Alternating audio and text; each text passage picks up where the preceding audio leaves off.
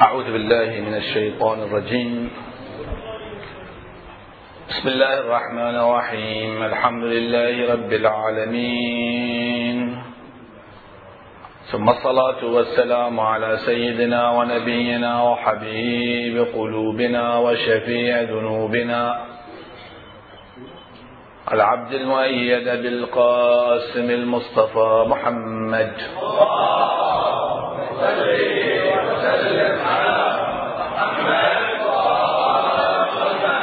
صلى الله عليه وعلى أهل بيته الطيبين الطاهرين المعصومين المكرمين الهداة المهديين واللعنة الدائمة على أعدائهم ومخالفيهم ومنكري فضائلهم أجمعين من الآن إلى قيام يوم الدين.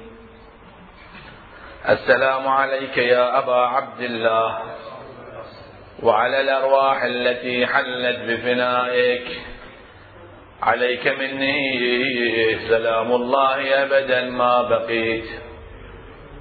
وبقي الليل والنهار ولا جعله الله آخر العهد مني لزيارتكم. السلام على الحسين وعلى علي بن الحسين وعلى أولاد الحسين وعلى أصحاب الحسين. قال تعالى في محكم كتابه ومبرم خطابه أعوذ بالله من الشيطان الرجيم. أمن يجيب المضطر إذا دعاه ويكشف السوء ويجعلكم خلفاء الأرض. أإله مع الله قليلا ما تذكرون. صلوا على محمد وآل محمد.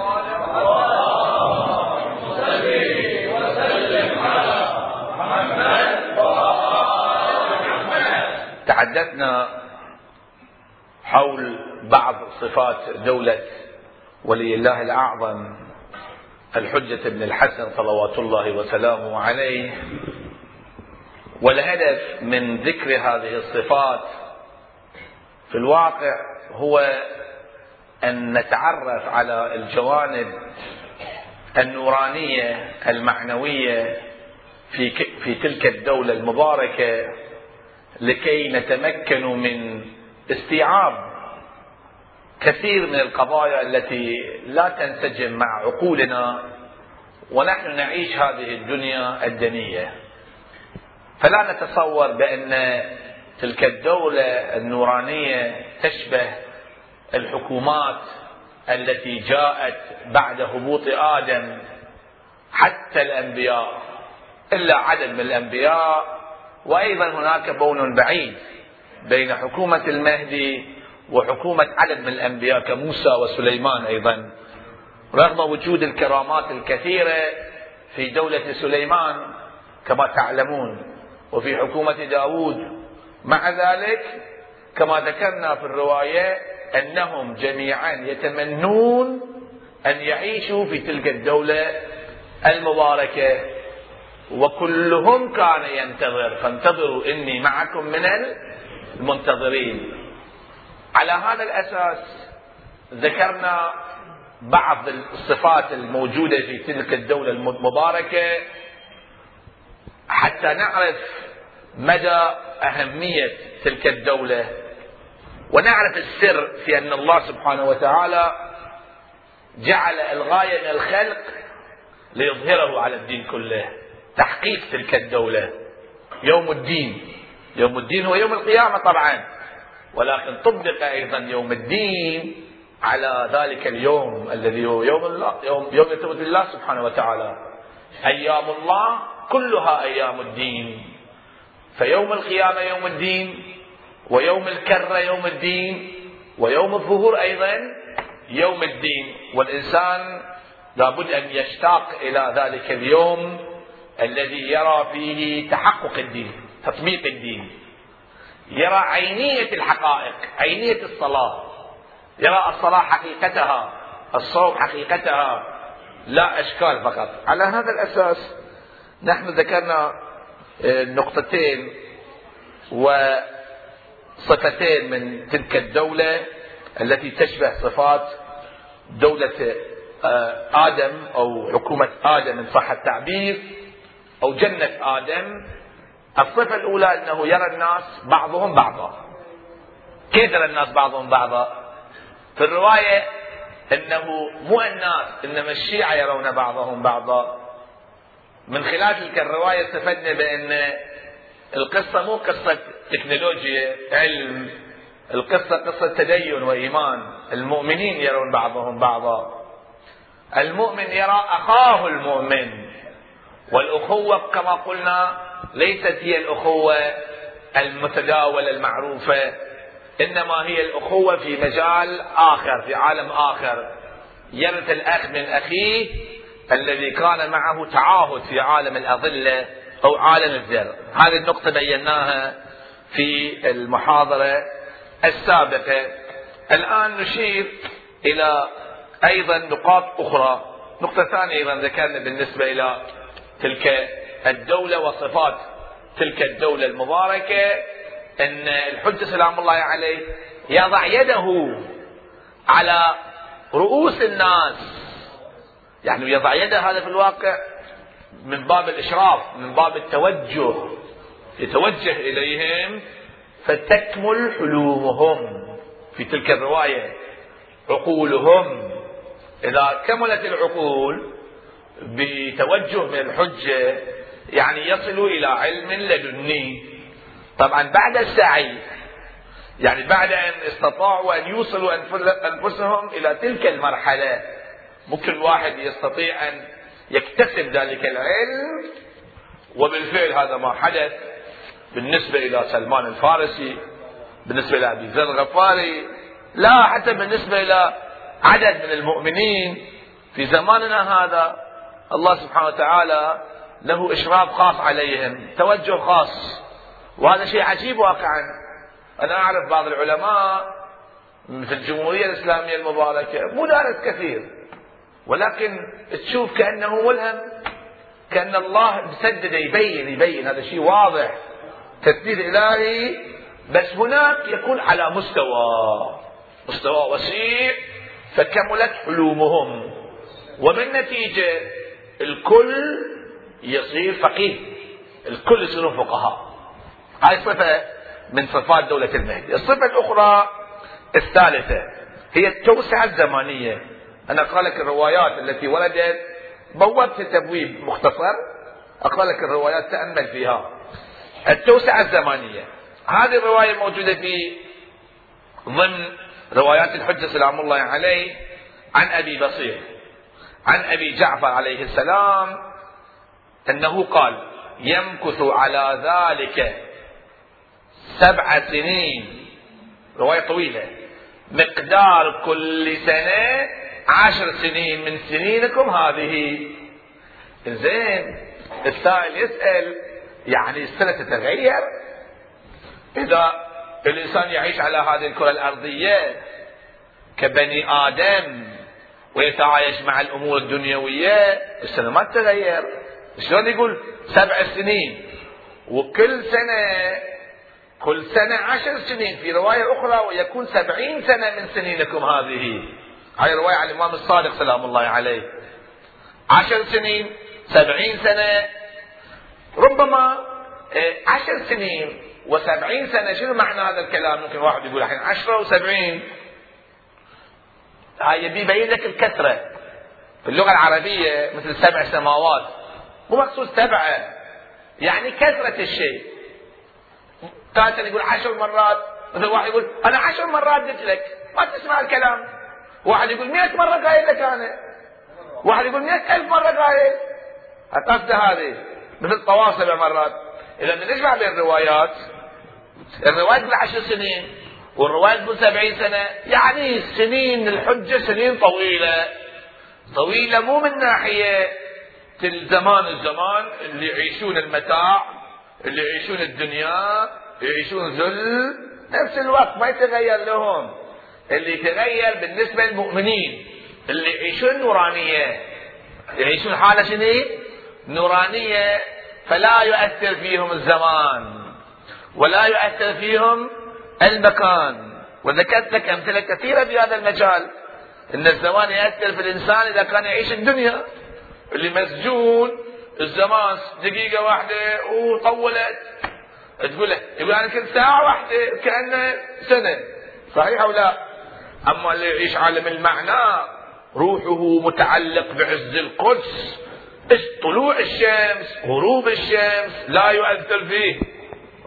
لأنه هو ولي العصر هو ولي الزمان هو له إشراف على الزمان.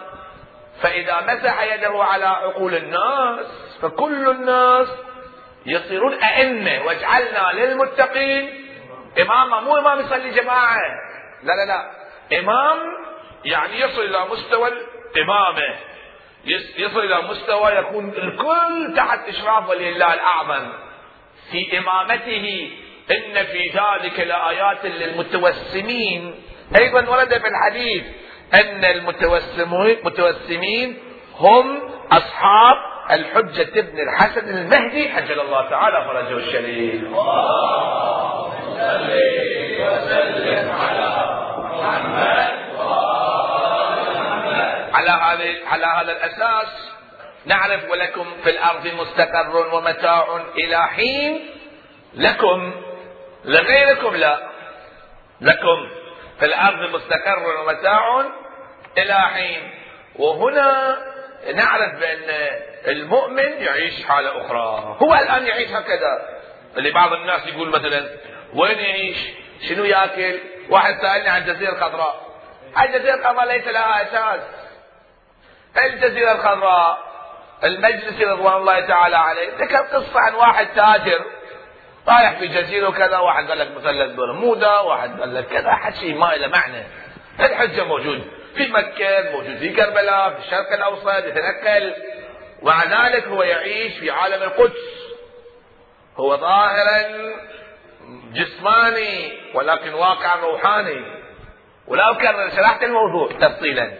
ان ينشأ الآن طبعا ولكن هل يفتكر ما نفتكر به نحن كلا؟ هل يؤثر فيه الزمان؟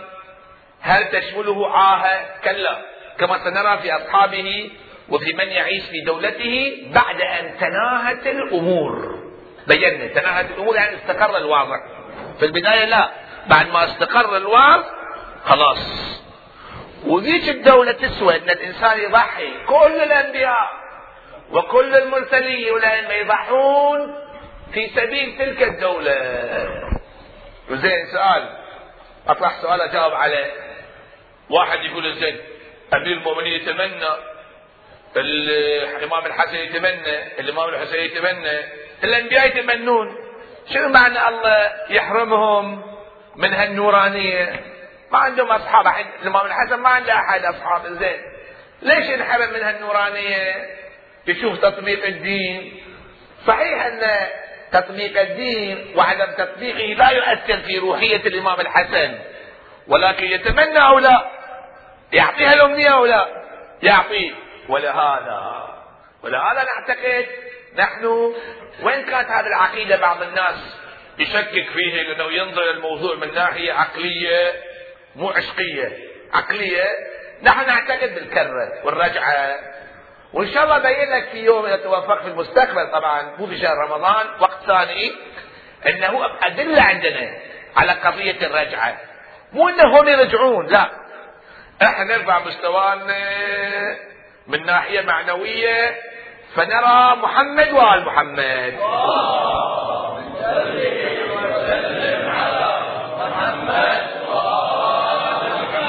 بهذا العين بهذه العين كلا. نصل إليهم. والقصة طويلة. إحنا مشكلتنا إذا واحد الآن في رحم الأم تتكلم معاه بتفهم شلون تفهمه تقول الموضوع كيت وكيت إذا طلعت في الدنيا في كذا في عندك يد في عندك ريج يقول شو تقول أنت؟ يضحك يعني لو فرضنا. يقول يد شنو يد يعني اقطعها يقول اقطعها ما في فائدة شو أسوي فيها أنا؟ صحيح ولا؟ ما يفكر في الأمور؟ بس من جاء في هذا العالم يشوف قيمة اليد. ما يأكل بيده لا. إحنا نفس الشيء. إحنا عايشين في الدنيا. الدنية وكل حزب ولديهم فرحون وبالفعل هكذا. بتجرب تجرب تروح في بعض القرى الآن أو في بعض المخيمات. في دول مختلفة. تشوف كل واحد تفكيره صاير نفس اللي يعيش شلون في أذربيجان شلون يعيش؟ يتصور إن كل الموجودات نعم هي هكذا. يقولون إن النملة تتصور بأن لله قرنان هكذا بالرواية ليش؟ لأن كل واحد تصور ذهنيته متأثرة بالمعيشة اللي يعيش فيها. ولهذا يقول قل سيروا في الأرض.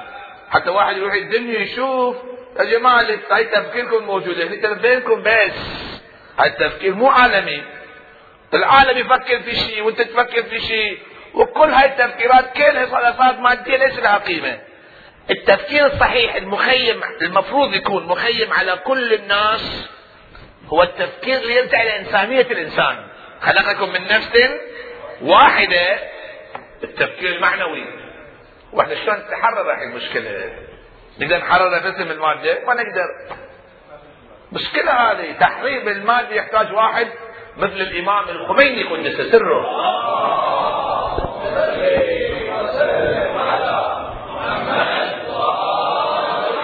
واقعا هذا الإنسان عجيب. كان يعيش مع الناس والدولة وهكذا. شفتوا بيته في جماران؟ بيت صغير. واحد يروح هناك يقول شلون الحين؟ شيء عجيب. وشوف تفكيره. هاي فاطمة طباطبائي. هذه من الشخصيات هذه شخصية عظيمة عرفانية. زوجة آه، سيد أحمد مدرسة في الجامعة. هذه تقول بأنه الإمام من كان يتمشى شفت جماران إلى جنب جماران في حديقة كبيرة. وأنا رحت هناك الحديقة مشيت فيها. كنا ننتظر الإمام لقاء مع الإمام.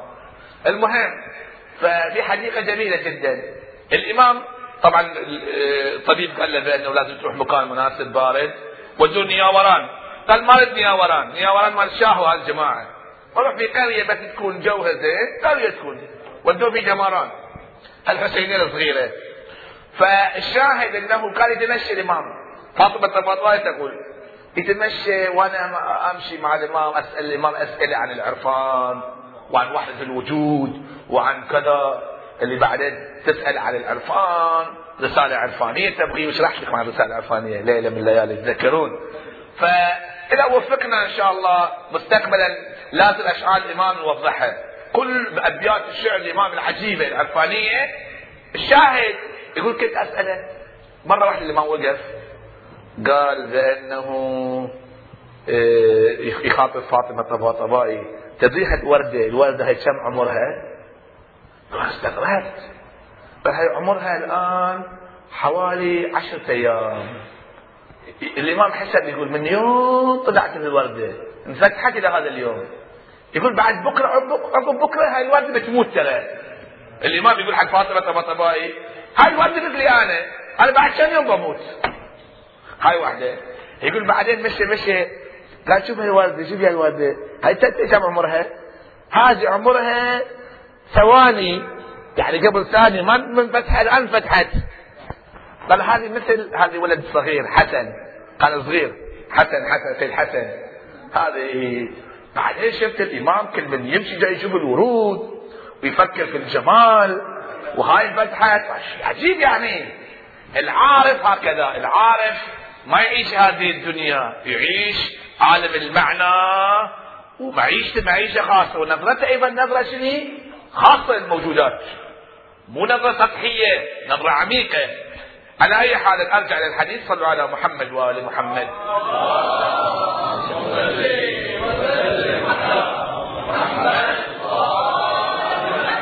فإذا الرواية اللي تركز على قضية السنين سبع سنين أو ست سنين باعتبار أن آه، عشر سنين أو سبعين سنة باعتبار أن الإنسان إذا يعيش ولي العصر وتقول ولي العصر صار له ولاية على العصر إمام الزمان. ورد في شأنه ناموس الدهر. يعني الدهر لا يسيطر عليه. يعيش ما يعيش في بطن في بطن العصر. إحنا نعيش في بطن العصر. ولهذا إحنا في خسر. نخسر. إلا الذين آمنوا. بس هو لا هو ولي العصر. وهذه النقطة جدا مهمة. إذا واحد كان له ولاية على العصر يعني الزمان شوف قضية شك القمر. بعض الناس يتصور يقول شلون؟ هذا اللي يعيش المادة يقول شلون؟ إذا واحد عنده ولاية على العصر نور الشمس تدري؟ من نور الصديقة الكبرى فاطمة بنت محمد.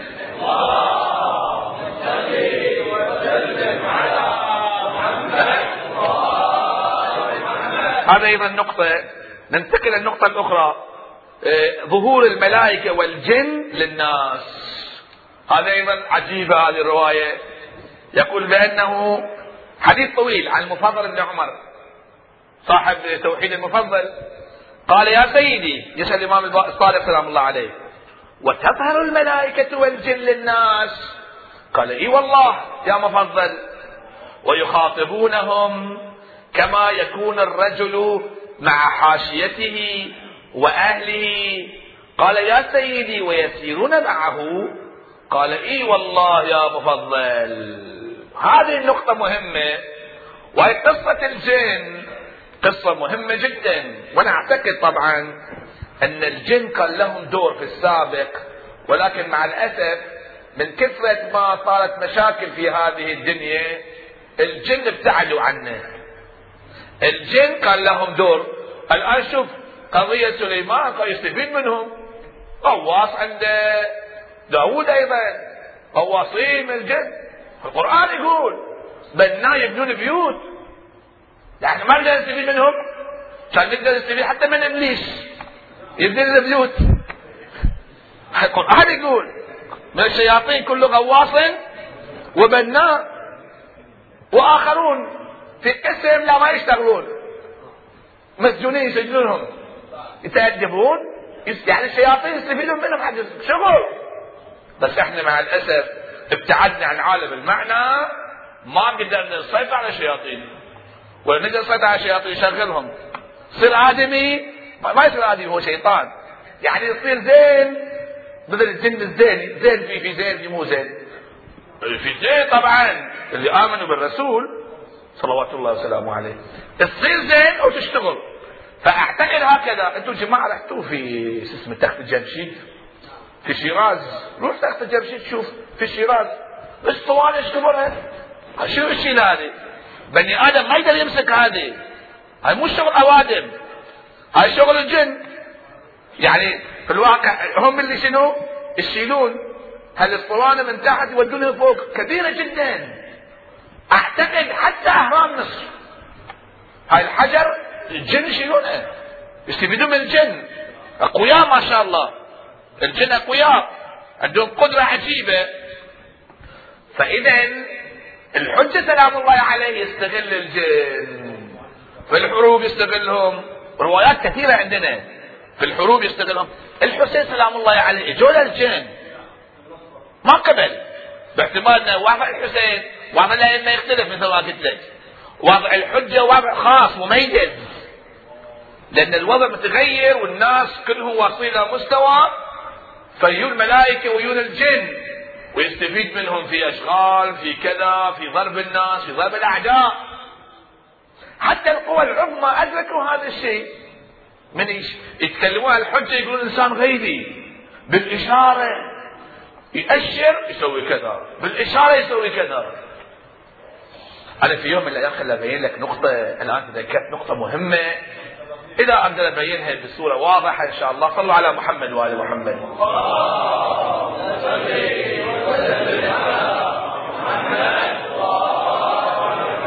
في حرب الخليج الأولى حرب الخليج الأولى صارت مشاكل طبعا.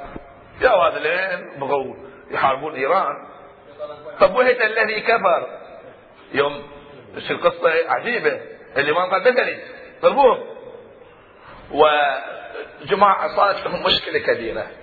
أنا كنت قاعد في مجلس كان موجود. هذا أيضا قضية أنقلها مباشرة عن الأخ هذا اللي جبنا اسمه قبل مدة. هو لا تسجل. لا تسجل هذا الشيء. هاي مشكلة التسجيل. واحد ما يقدر يقول كل شيء.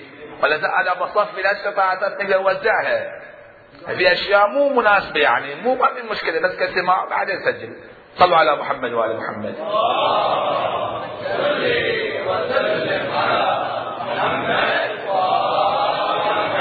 هؤلاء الأكراد مو جماعة رجلان لا الأكراد الثانيين فيهم ناس متحمسين. عندهم في ألمانيا وعندهم في أماكن مختلفة خاصة في ألمانيا عندهم طاقات عجيبة. فهؤلاء عندهم قائد موجود في آه، أمريكا يدرس هناك قائد سياسي. عندهم قائد سياسي وعندهم قائد ديني. الديني في ألمانيا والسياسي وين موجود؟ في أمريكا يدرس في الجامعة. نفس هذا القائد السياسي للأكراد كان موجود في مجلس. فكان يتكلم هاي قصة في لندن. كان يتكلم باللغة الكردية ما أعرف شو يقول. ولكن في واحد يترجم له. اللي كان يترجم منه الشيخ العاصي إمام جمعة واشنطن اللي ذكرت قصته قبل كم ليله إذا تذكرون اللي كانوا موجودين. قال يترجم هذه وذاك في الواقع يتكلم ذاك يترجم. كان أيام حرب الخليج الأولى فهو كان ينقل قضايا مباشرة. يقول الآن أنا جاي من أمريكا. جاي أنقل لك عن أمريكا يعني.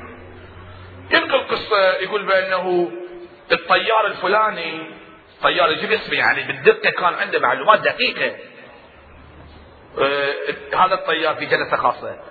تحرك قبل خمسة أيام طائرته راحت على أساس تروح تفرض إيران جمهورية. اختفت مرة واحدة. زين. بعدين كان يقول وبعدين؟ محمد الله.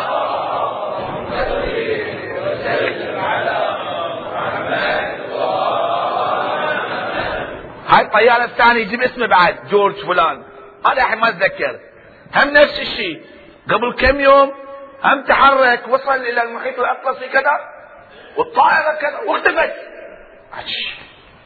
يقول وهكذا يجيب طيار فلان وفلان وفلان. يقول أنا الآن جاي أجي في مقابل وزارة الحرب الأمريكية. يقول الطيارين واقفين صف. صف واقفين. وكل واحد عنده استقالته. إما تستقيل تقبلون أو ما ترسلون إلى إيران. أي مكان بترسلون يرسلون إلا إيران. بعدين كان يقول الشعب الأمريكي كلهم الآن اللي كانوا هناك يقول متوجهين لنا ترى شنو قضية غيبية. ثم نقل قضية باخرة كبيرة جدا. يقول تحركت الجو زين كل شيء طبيعي. ولا اجى الخبر هو يدرس في الجامعة ويجيبون لهم معلومات. اجى الخبر بأنه جاي تغرق. في شرف الغرق يقول رجعت خائفة خاسرة. الناس شافوا يقول عرفوا هذا الموضوع.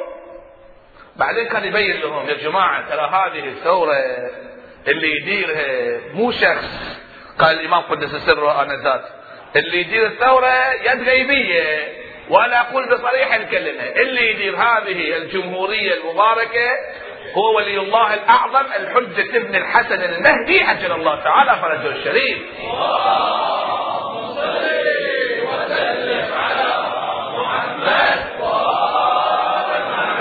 فإذا إخواني يمكن أن الله سبحانه وتعالى يسدد جماعة. يعني مو شيء غريب. حتى في هذا هذا الزمان فكيف في ذلك الزمان؟ دولة مباركة. فالشاهد أن الملائكة تظهر والجن أيضا. إذا روح الأمين يجي ذي قوة عند العرش مكين. مطاع أمين. مو قضية يعني تطور الشيء قضية سهلة. ملائكة كلهم ينزلون شو ينزلون؟ وين ينزلون؟ على الأرض هذه يعيشون مثل ما نعيش؟ لا. ينزلون في تلك الدولة النورانية اللي هي كجنة آدم. أو بالأحرى جنة آدم مرة ثانية تصير رجعة إلى جنة آدم عليه السلام. النقطة الخامسة ذهاب العاهة وتقوية القلوب. هذا هم موجود في الرواية الشيخ الصدوق ينقل الرواية في كتابه الخصال. كتاب قيم خصال شيخ الصدوق. عن الإمام زين العابدين سلام الله عليه. قال إذا قام قائمنا أذهب الله عز وجل. شوف شوف التعبير عن شيعتنا آه. عن شيعتنا. شلون يصير هذا الشيء؟ واحد يصير ما يمرض؟ نعم. يصير ما يمرض الإنسان. وأقول بصريح الكلمة وهذا مو غلو. وبعض الناس يتصوروا هالكلمات غلو لأن ما يعرفون أهل البيت. الأئمة ما يمرضون. تقول يصير الامام سيدنا العابدين مرض؟ هاي مثل ما بينت لك. الطبيب إذا كان في السجن بيعالج السجناء يتعايش معاهم. ولا الامام زين العابدين.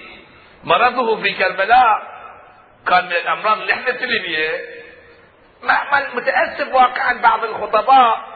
يجي يقول لك إن الإمام مرض ومرضه كذا وكذا وكذا ويشرح عن مرض الإمام. لا لا ماكو هذا الشيء. ما منا إلا مقتول أو مسموم. لو مو قضية القتل والشهادة مثل الحجة الآن باقي. آخر شيء يقتل. لو مو قضية القتل والشهادة من ناحية صحية ومن ناحية عدم التأثر بالأجواء المحيطة هاي ما تحتاج إلى دراسة علمية لا. روح الإنسان. شوف الإمام كش مثال أقول لك. اسأل الأطباء انت الموجودين دكتور عارفي طبيب الإمام موجود. تقدر تتصل به عن طريق الانترنت. الإمام قبل عشر سنوات من وفاته المفروض يموت. يوم طلع من قم وشرحتك القصة. بقي عشر سنوات. تدري كثير من المؤمنين الآن المفروض بكرة يموت ولكن بقدرة روحية. له إشراف حتى على إسرائيل. إسرائيل ما يموت إلا بإذنه. إذا شاف المصلحة الإمام قبل لا يروح قد قلب مطمئن. بدل لي آرام خلاص الحين بروح أنا بقلب مطمئن. وانتهت القصة. يعني كأنه أنهى القصة. أراد هالمدة وما دام سوى قضية القيادة حل مشكلة القيادة. في مجلس قالوا زين شو نسوي إحنا؟ إذا الشيخ راح منه مكانه السيد قال كان قاعد هناك. هاي أحمد ينقل. اللي بعض الناس يشكك في الأمور. لا في في شواهد موجودة في أدلة. مو مو بعض الناس هذا كذب هذا كذا. تشكك في الأمور ليش؟ ما تروح تتابع بس اطلب مني أنا أجيب لك النص أجيب النص الفارسي. بعد الكتب الحين تطبع باسم مركز نشر خاص مؤسسة لآثار الإمام. حتى ما حد يقدر يحرفه. يقول اللي سيد قال قال إلا يقول الإمام إلى غير خامنيهاس إلى غير خامنيهاس يعني هذا السيد القائد الإمام الخامنئي حفظه الله.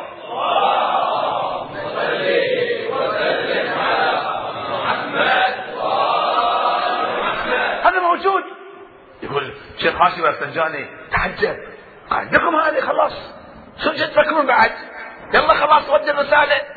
اللي كتب الرسالة إن أنا ما اردت أنت فقيه وكذا وكذا وعزل مرة واحدة. شو شلون؟ ذاك اليوم على الإمام قدس سره حل حل المشكلة وقضية الحرب أيضا. بعد هذا خلاص بقلب مطمئن وراح.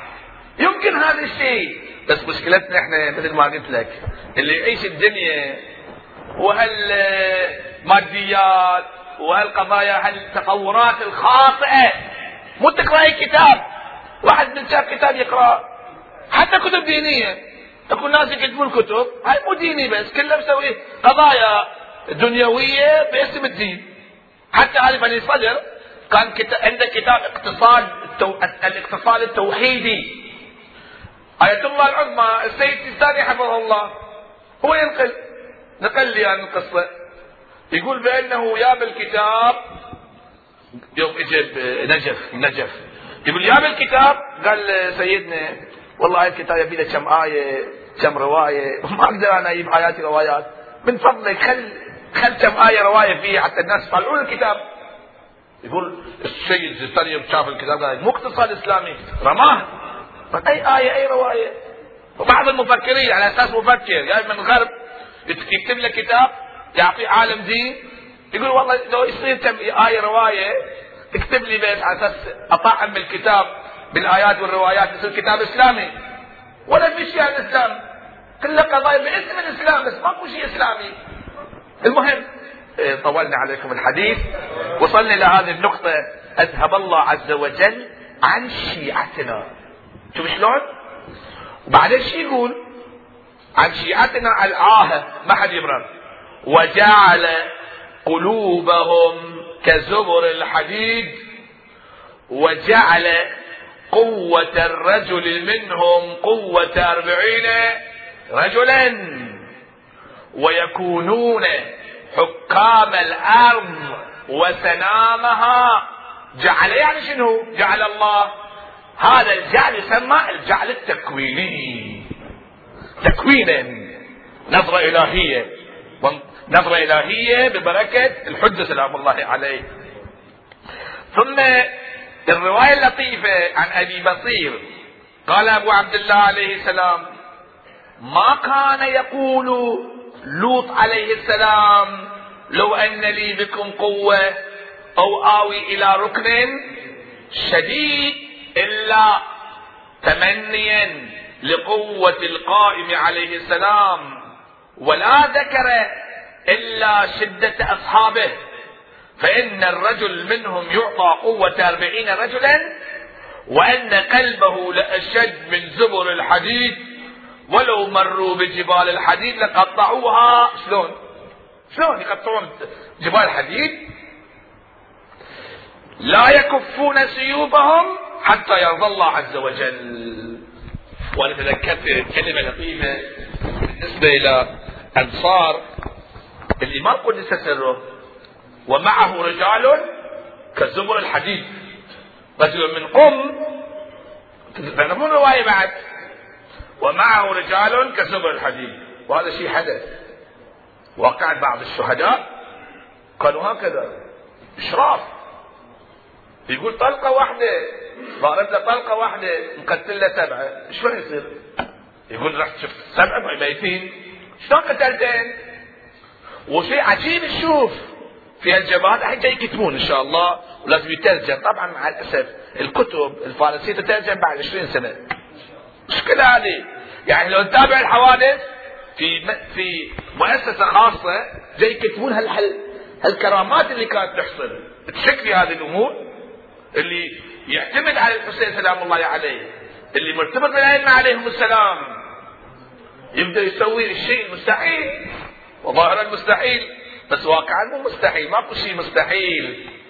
وهذا ما حدث في الجمهورية الإسلامية المباركة وإن شاء الله في الليلة المقبلة أبين لك بعض القضايا. طبعا الليلة المقبلة أنا مو موجود إن شاء الله اللي بعدها عندنا محاضرة إن شاء الله في آه، عن القدس وقضية القدس أيضا قضية مهمة جدا سوف نوضح عن القدس هناك. والذي طرح هذه الفكرة هو الإمام قدس سره والآن قبل أربعين سنة قبل أربعين سنة. الإمام كان يحرك الناس ويشوقهم ثم قضية لبنان قضية الفلسطينيين والتأكيد على المسألة. ويكفي في عظمة نعم هذا الإمام وهذه هؤلاء المؤمنين أن هذه آه، على قولتهم الإيرانيين شفية.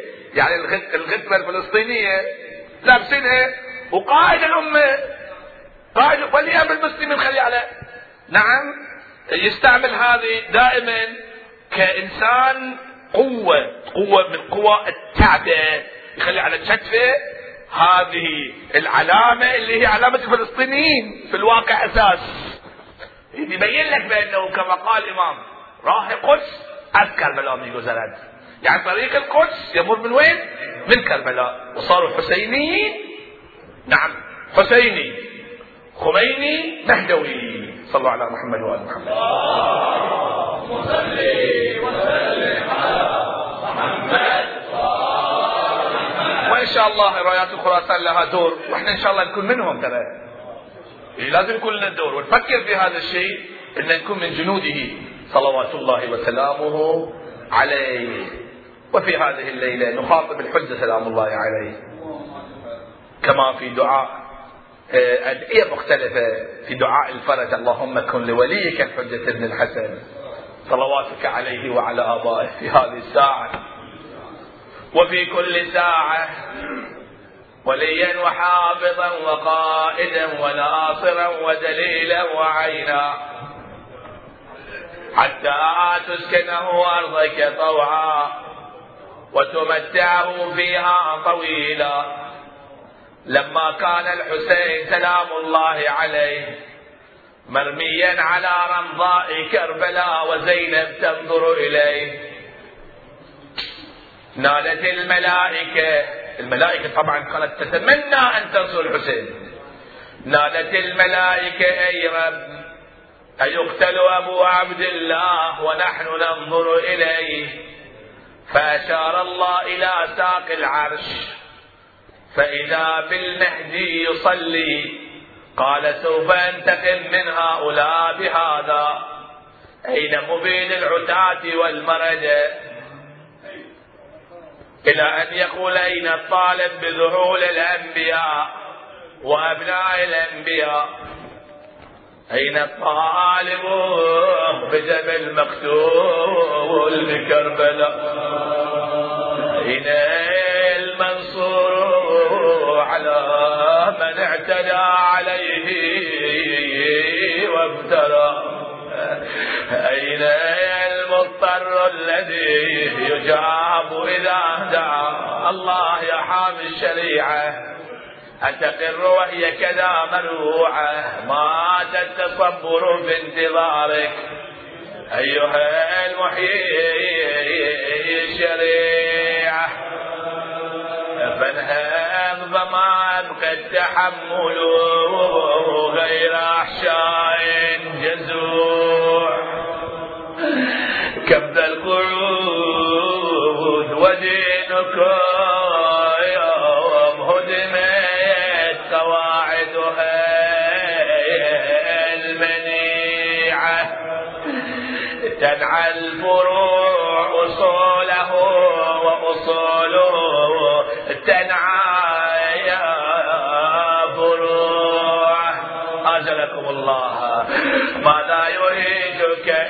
صبرت لوقعتي الطف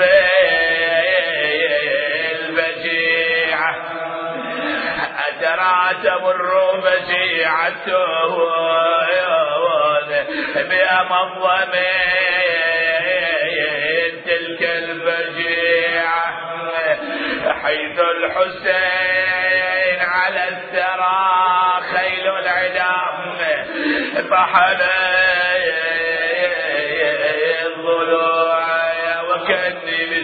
سلام الله عليه. جالس عند ذلك الجسد.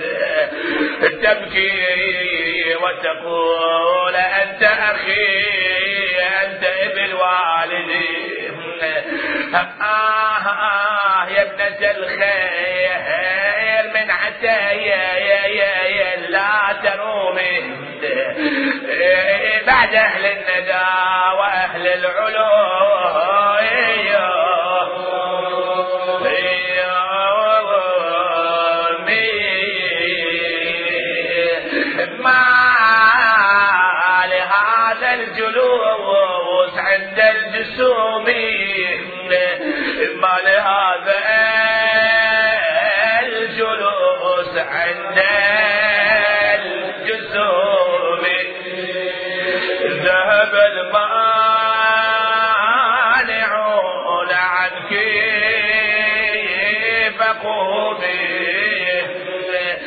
واخلع العز والبسيل لا لا بعد الله قلبك أنت مأخوذة على كل حال. والزم الصيبر والبسيل أغلاله. والزم الصبر والبس الاغلاء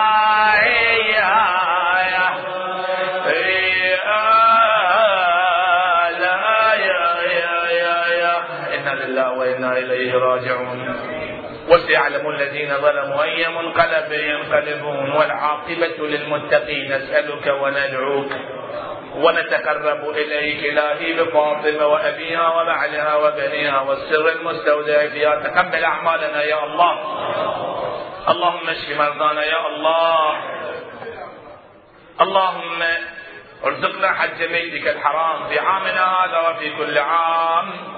لا تكلنا إلى أنفسنا طرفة عين أبدا. اللهم انصر الإسلام والمسلمين وسدد حماة الدين. ولي المسلمين احفظه بحفظك يا الله. عجل اللهم في فرج مولانا صاحب الزمان وإلى أرواح أمواتنا وأمواتكم وروح إمام الأمة ووالدينا الفاتحة. تسبقها الصلاه